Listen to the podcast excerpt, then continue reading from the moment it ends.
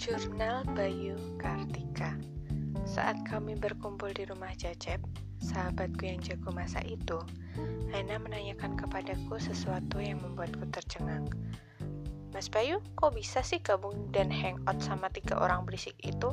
Mas Bayu kan kalem dan jarang bicara. Hana memang pengamat yang baik. Aku memang jarang bicara. Kadang aku memikirkan sesuatu dengan sangat konsentrasi, sehingga mulutku terkunci tanpa banyak bicara. Memarkirkan mobil keren misalnya. Aku benar-benar menyukai mobil dan segalanya yang berkaitan dengan mobil. Kalau nanti punya pacar, mungkin aku lebih memprioritaskan kepentingan mobilku daripada pacarku. Kalau menurut teori Tommy, aku ini titisan Yudhistira. Aku tidak setampan Tommy atau setegap Adrian. Tinggi badanku juga tidak seperti mereka. Aku setinggi cecep, tapi lebih kurus sehingga aku terlihat jangkung. Warna kulitku juga standar, tidak seputih Tommy atau cecep yang sawo matang.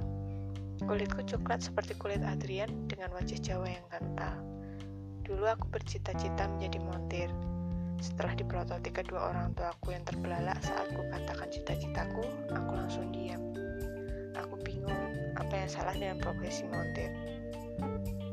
Sialnya, kecintaanku pada mobil kali ini membawaku pada petaka. Aku nyaris menghajarkan mobil sekolah saat menabrak pohon. Karena itulah, Pak aku menyuruhku berpartisipasi dalam Basar Sumpah Pemuda, meski aku tak tahu harus melakukan apa nanti.